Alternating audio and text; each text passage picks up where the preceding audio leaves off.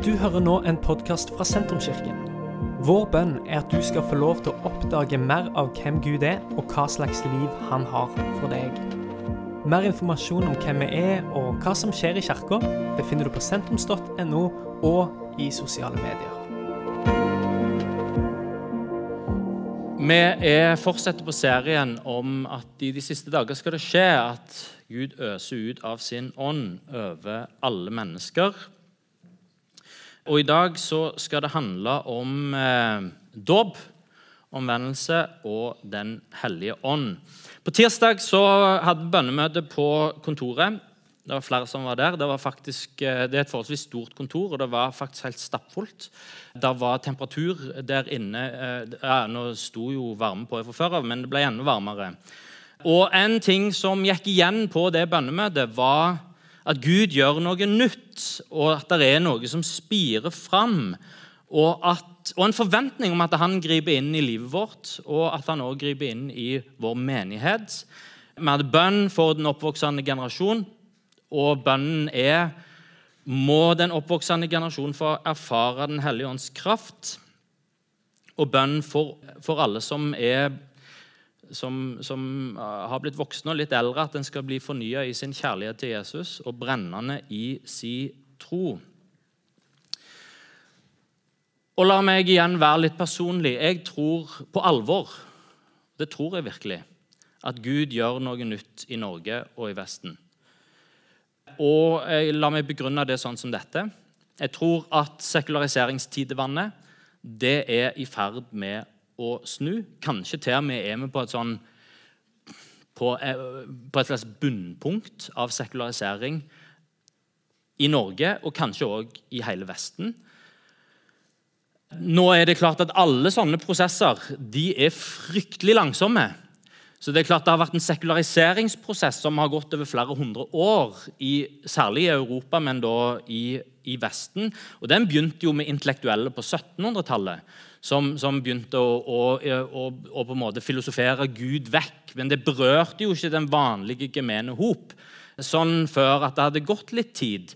Så alle disse prosessene de tar lang tid. Men en av de tingene som skjer akkurat nå, som er veldig interessant, er at der For 100 år siden så var det intellektuelle motstrømsstemmer, som Bertrand Russell, for eksempel, som skrev 'Derfor er jeg ikke en kristen'.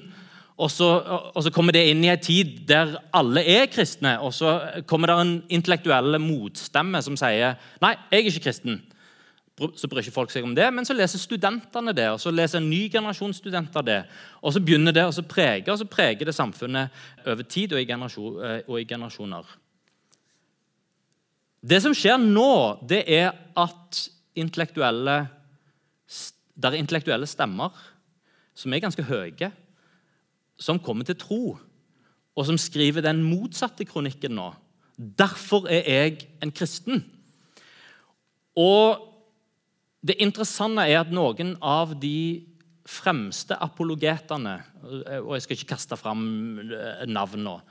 Da da bare avslører jeg igjen eh, hvem jeg hører altfor mye på eh, om dagen. Men mange av de mest fremtredende apologetene for kristen tro, altså de som forsvarer den kristne troen, de er ikke sjøl troende. De har bare sånn intellektuelt kommet fram til at dette her, eh, kristen tro er jo faktisk det som hele Vesten er bygd på.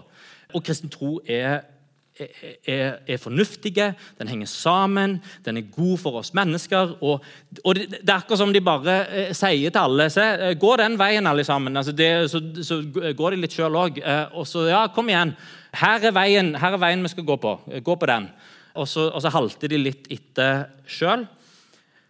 Det er mange mennesker som nå forteller at de har kommet til tro etter å ha lest disse, eh, det disse sekulære apologetene, trosforsvarerne, sier. Så er det en sånn små drypp, små tegn på endring av det åndelige klimaet i Norge. Det er unge videregående elever som vil lese i Bibelen, og som vil be. Det syns eh, Jeg vet ikke hva du tenker, men jeg tenker at det er sånn tegn på at Norge Det var ikke sånn for bare fem år siden. og kanskje iallfall ikke for ti år siden. Nå på nesten samtlige kristne videregående skoler i Norge så formes der ikke av seg sjøl, men på eget initiativ bibelgrupper blant, eh, blant elevene og bønnegrupper. På enkelte av disse kristne videregående skolene så er mer enn halvparten av skolen til stede på det ukentlige ungdomsmøtet, frivillig, på kveldstid.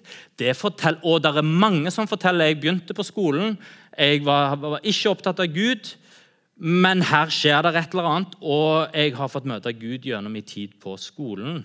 Og Så er det ungdomsmiljøer som begynner å vokse igjen, og det er ungdommer som viser interesse for kristen tro og for Jesus. Og så er det en type urolighet i verden òg, en utrygghet, der jeg tror det er flere og flere som spør seg sjøl hvem kan jeg stole på. Kan jeg stole på politikere? Kan jeg stole på verdensledere? Kan jeg stole på velferdsstaten? Er, og Noen er urolige for klimakrisa.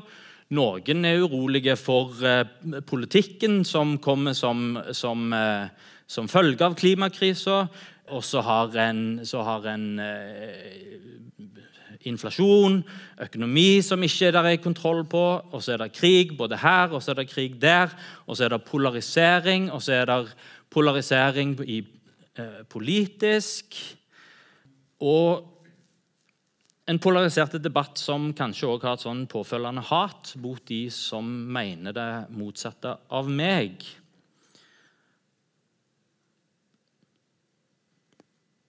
Hva er det som forbereder veien for at Gud kan gjøre noe? Jeg tror alle disse tingene her, når det er litt urolig i verden, der er noe gryende på gang blant ungdommer, og der er kan si, store trender som handler om at er, en er i ferd med å snu tilbake igjen.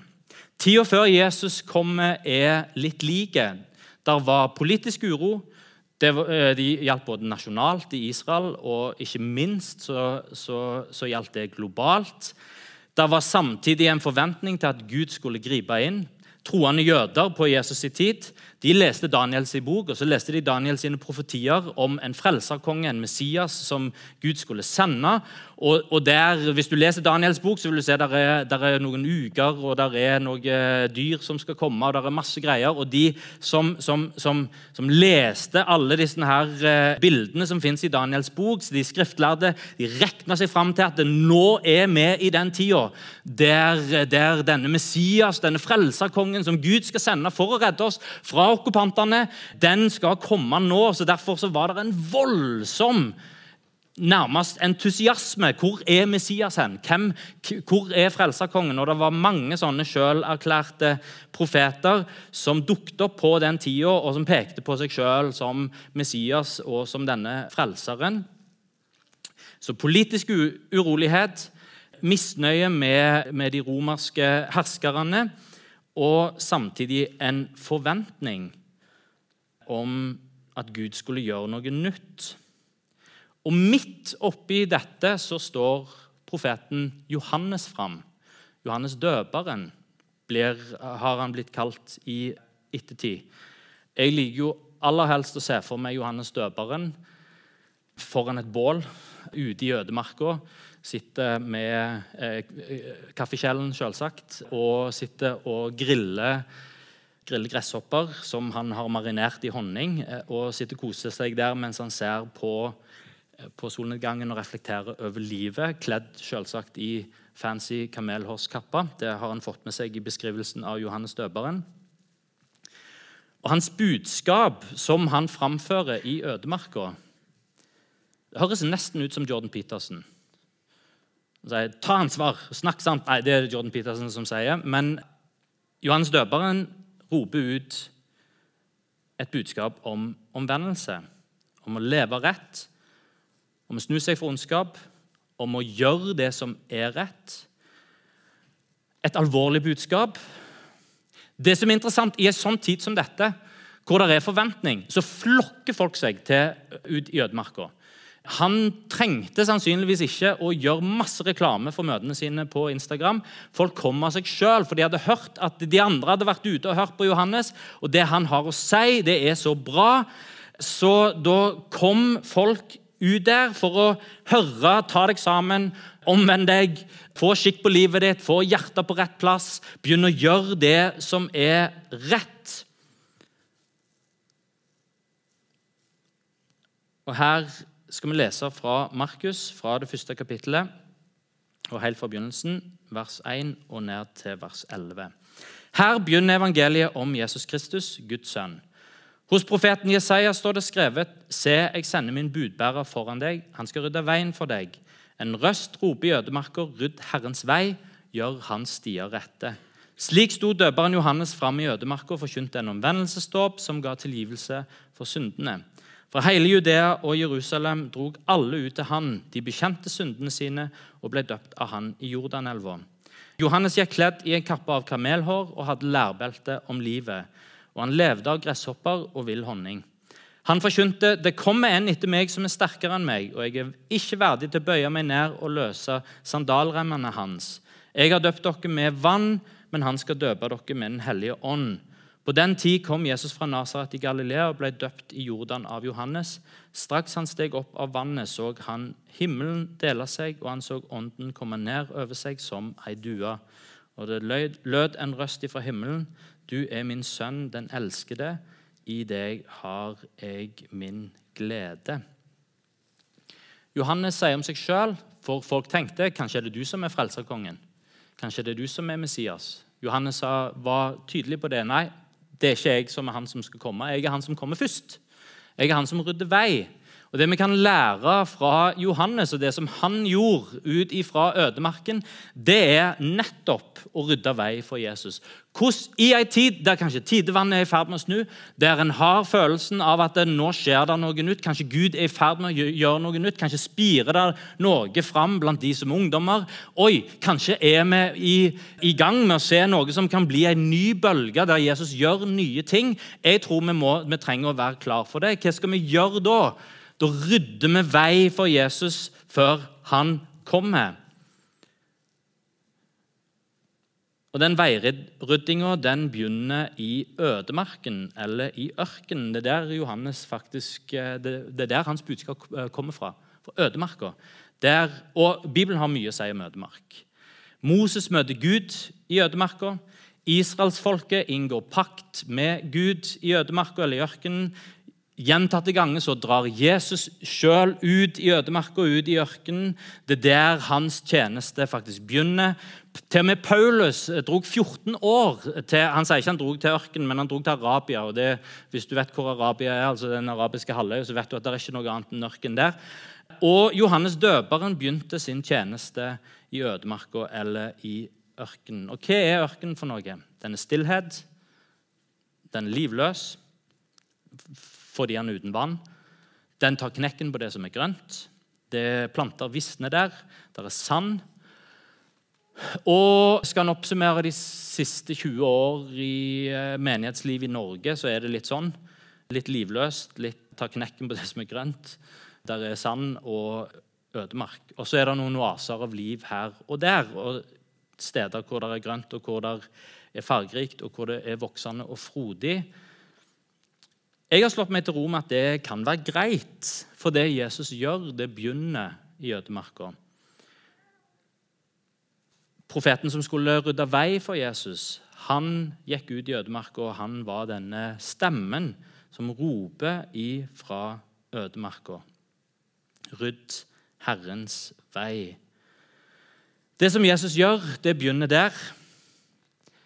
Hvorfor er det sånn at så mange mennesker opplever at når livet går, i, går sunt, når det er vanskeligheter, når det er utfordringer, når det er trøbbel, når en møter på kanskje sykdom, en møter på død Der ifra et sted hvor det kanskje er livløst og hvor det er utfordrende, ødemark, der får en òg et møte med Jesus. Det kan ofte hende med at en har kommet til enden av seg sjøl.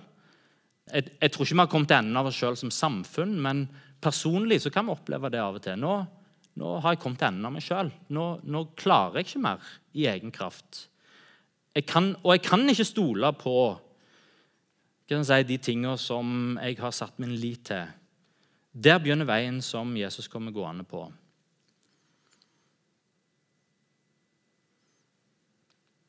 At vi har gått gjennom en tid som har vært litt tørr, det er ikke eh, krise. Det som er viktig, er hva vi gjør når det ikke er så mye liv. Det å være trofast mot Gud når det ikke er kult. Det å være en trofast etterfølger når det ikke er populært. Det å være en bevisst troende når folk forlater troen. Da kan vi tenke på menigheten som og Dette bildet er halte, men jeg vil at du skal ha det med deg likevel. Vi kan tenke på menigheten som ei hytte på fjellet om vinteren. Og så, og så, er det masse folk som er på hyttetur, og, og, så, og så, er en inne. Og så, er der, så fyrer en på ovnen, selvsagt, for det må en jo gjøre når en er på hytta midt på vinteren. Så det er godt og varmt. Og så får folk lyst til å dra ut, for det er snø. Eh, og en går på lange turer, og den ene etter den andre forsvinner. Fordi det er, det er mer eh, fristende, det som er utenfor hytta. Og det er fint å gå på, det er fint å gå på gå på ski på fjellet, så det er jo her bildet halter. Så selvsagt så gjør du det. Men OK. Alle forsvinner. Ikke alle. Det er to-tre stykker som er igjen i, i hytta. Og som blir værende. Hva er viktig å gjøre når du blir værende igjen i hytta? Du, du fyrer. Så mens de andre er ute, så fyrer du. Og du fortsetter å fyre, og du bærer inn ved, og du fyrer, fyrer og fyrer og holder det varmt og godt inni hytta. Fordi det kommer et tidspunkt der plutselig været skifter. Der sola blir overskygga av skyer, og der det blir storm og snøen blåser opp, og det er vanskelig å på en måte klare seg. og En begynner å bli kald, og en mister den ene votten, og en begynner å forfryse den ene handa. Og en begynner å bli kald i beina og får naglebed, og alt det, og til slutt så kjenner en ikke helt hvor er tetene mine hen. Og da Ja, men vi kom jo fra ei hytte. Vi går tilbake igjen til hytta. Og det som er så deilig da, det er hvis en kommer tilbake igjen til hytta, og det er kaldt ute, og en fryser, og så kommer du inn døra, og så blir det slått sånn, av en sånn varme, og det lukter brent bjørkeved. Og det er bare deilig å komme inn fordi hytta er varm. Det er viktig å holde troa varm. Det er viktig å holde fellesskapet varmt. Og det er viktig å holde kristen etterfølgelse helhjerta, selv om det ikke er populært, selv om det ikke er kult, og selv om ikke så mange andre gjør det. For det kommer ei tid når veldig mange vil søke tilbake, og da må det være noen som har hatt på varmen, sånn at det er noe å komme tilbake til. Hvordan rydder vi vei for Jesus? Denne veien som vi rydder for Jesus, den kommer fra ødemarken. og da brydde faktisk vei for Jesus. Johannes han forkynte et budskap om omvendelse. Omvendelsesbudskap de, er, de kan være skarpe, de kan oppleves ubehagelige fordi de treffer oss. Et godt omvendelsesbudskap det er vanskelig å vri seg unna fordi det er allment. Omvendelsesbudskap er ikke en gruppe mennesker som singler seg ut en annen gruppe mennesker og som begynner å peke fingre mot dem. Et omvendelsesbudskap handler om å se inn i sitt eget hjerte. Og så handler det om å si noe som er allment, og som treffer alle. Og der, De som hørte Johannes døperen, de kom tilbake. av eh, Der kom eh, vanlige folk og spurte hva skal vi gjøre nå. Da sa Johannes del maten din og del av de materielle, materielle godene.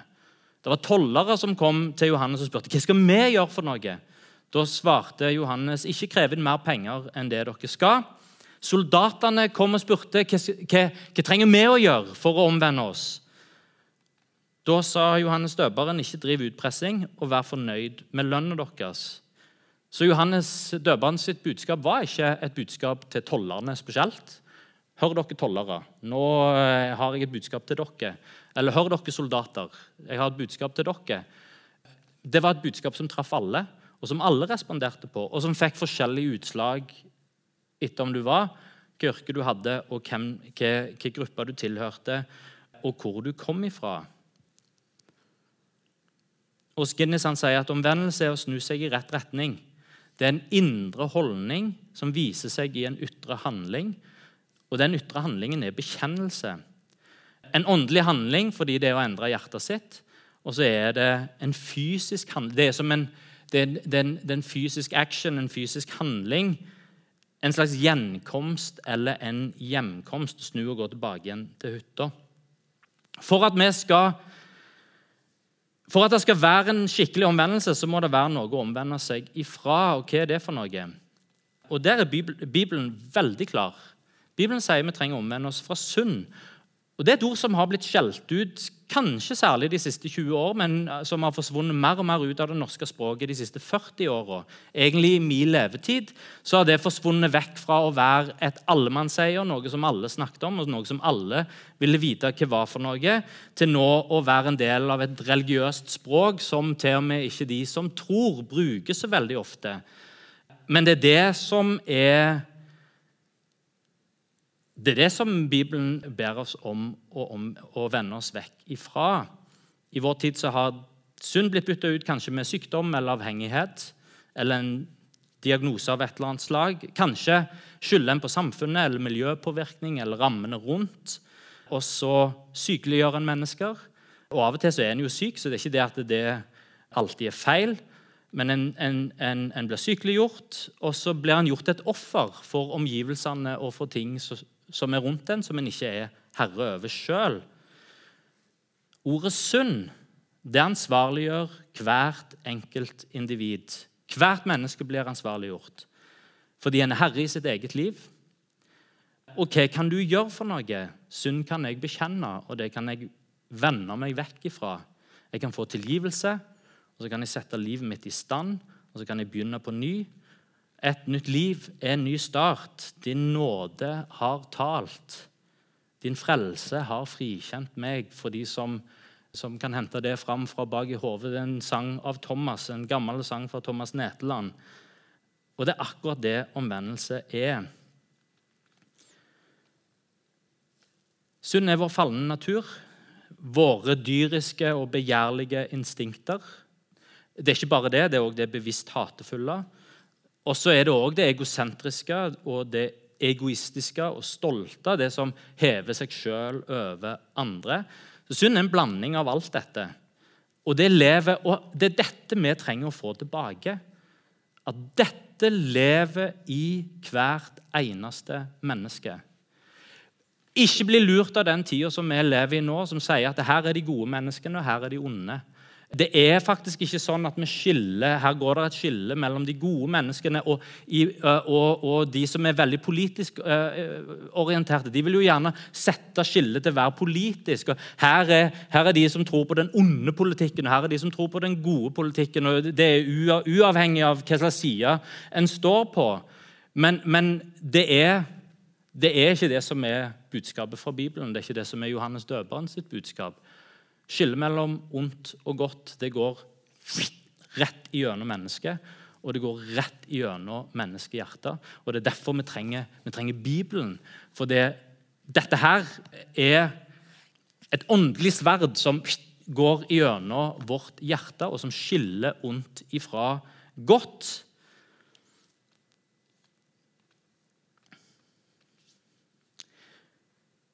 Og det lever i hvert menneske. Og er, der er noe håpefullt i det. For det betyr at det er håp for ethvert menneske. Hvis en ser og erkjenner, og en snur seg vekk ifra det som ikke er bra, så er det en ny begynnelse. Der er tilgivelse, og der er et nytt, og der er et nytt liv. Synd tar ikke ansvar, det sender videre. Omvendelse, det tar ansvar. Jeg gjorde det, jeg erkjenner det trødd over ei grense. Jeg befinner meg et sted jeg ikke skal være. Omvendelse handler om å gå tilbake, snu seg til Gud, snu seg til det gode, det vakre og det sanne og komme hjem.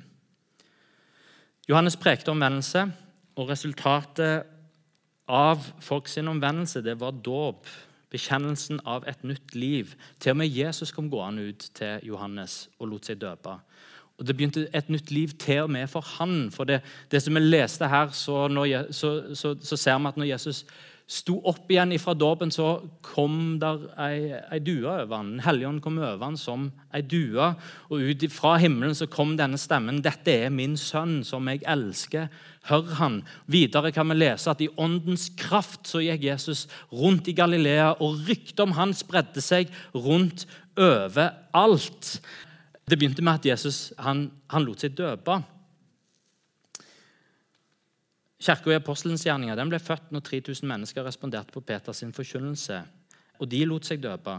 Da ble en, synliggjøring av, denne, av, av bekjennelsen, av tro på Jesus, av omvendelse til Jesus. Peter han sier at dåpen er ikke en avleggelse av kjødets urenhet, men en god samvittighetspakt med Gud ved Jesu Kristi oppstandelse. Dåpen er en begravelse av det gamle livet. Det er en oppstandelse til et nytt liv. Det er en synliggjøring av hvem du er, og hva som er din identitet. En synliggjøring av hvem du tilhører. Det er som en giftering, som er et symbol på at jeg tilhører en annen og som der ligger et løfte bak, og som der ligger en forpliktelse bak. Der det er dåp, der er en med å rydde vei for at Jesus kan gjøre noe. Det er deg som er døpt så kan en stadig justere retningen sin og huske hva er det som ligger i løftet mitt. Det er en begravelse av det gamle livet, og så er det en oppstandelse til et nytt liv, der Jesus er Herre, og der jeg hører hva Han sier til meg, og der jeg justerer retningen min etter Hans ord. Og det er deg som ikke er døpt, så er det en fantastisk mulighet til å se jeg har et nytt liv. Jesus han døde for min synd. Jeg vil følge han og jeg vil bekjenne han som Herre, og han viser det med å la seg døpe. Jeg hørte en pastor fra en ikke veldig stor menighet fortelle at de hadde hatt nesten 50 dåper i fjor. Treng, han trenger ikke fortelle noen ting mer fra menigheten. Da, da, vet du at i den menigheten så skjer det ganske mye. Det er en synliggjøring av at Gud jobber i mange sitt hjerte.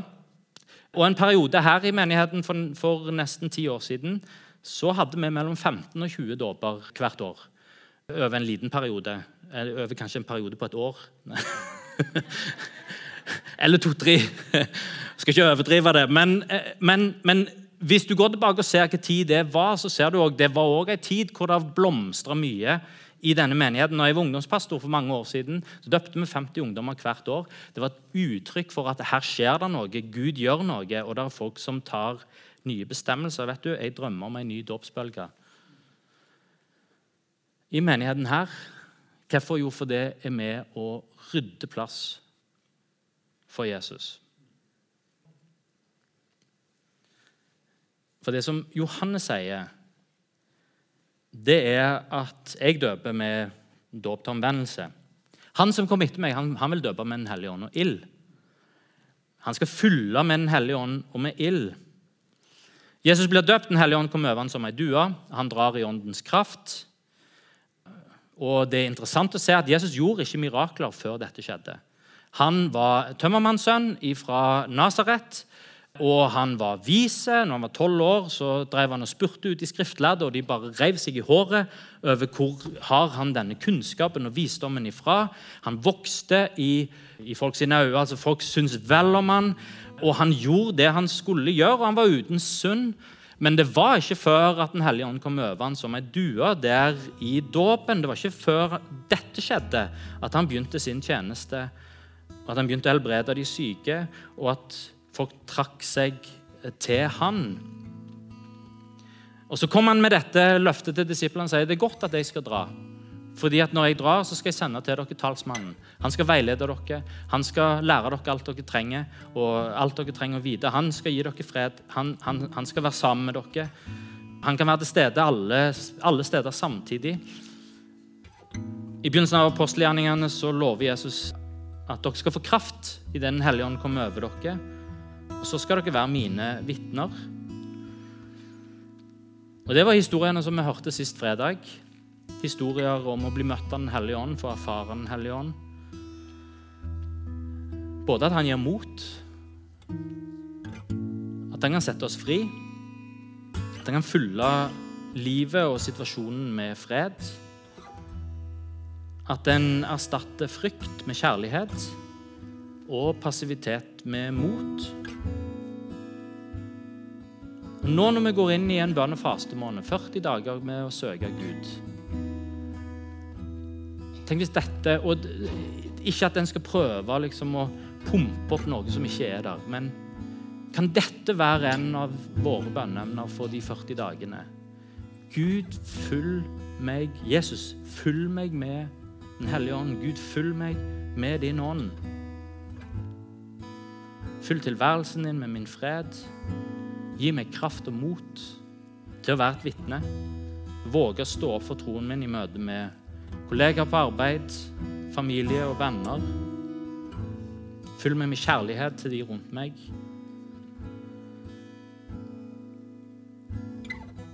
Og Da er vi tilbake igjen til start. Da begynner det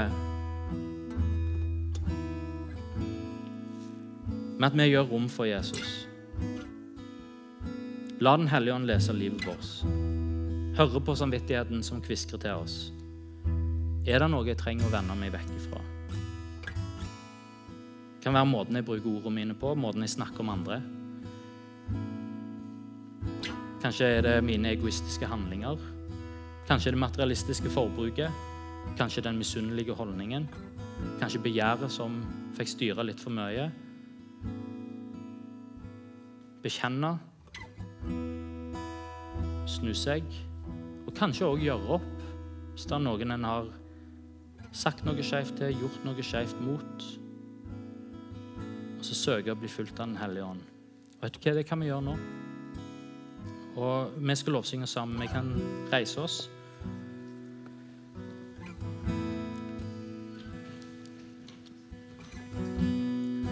Mens vi lovsynger, så kan òg vår bønn være til Gud. Gud, fyll oss med din ånd.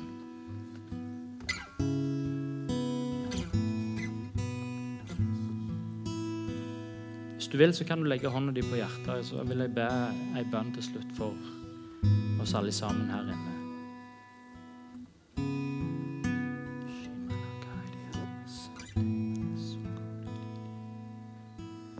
Takk, Hellige Ånd, at du er her. Takk at du snakker til hjertene våre. Takk for at din stemme kommer aldri med fordømmelse. Takk at den kommer med nåde, Herre. Med gjenopprettelse, med kjærlighet og omsorg.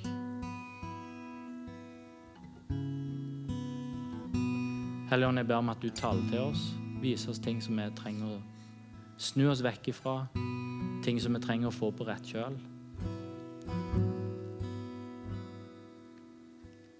Herre Jesus, vi vil bekjenne deg som, som frelser og som herre. Følge etter deg. Sette livet vårt i retningen av deg.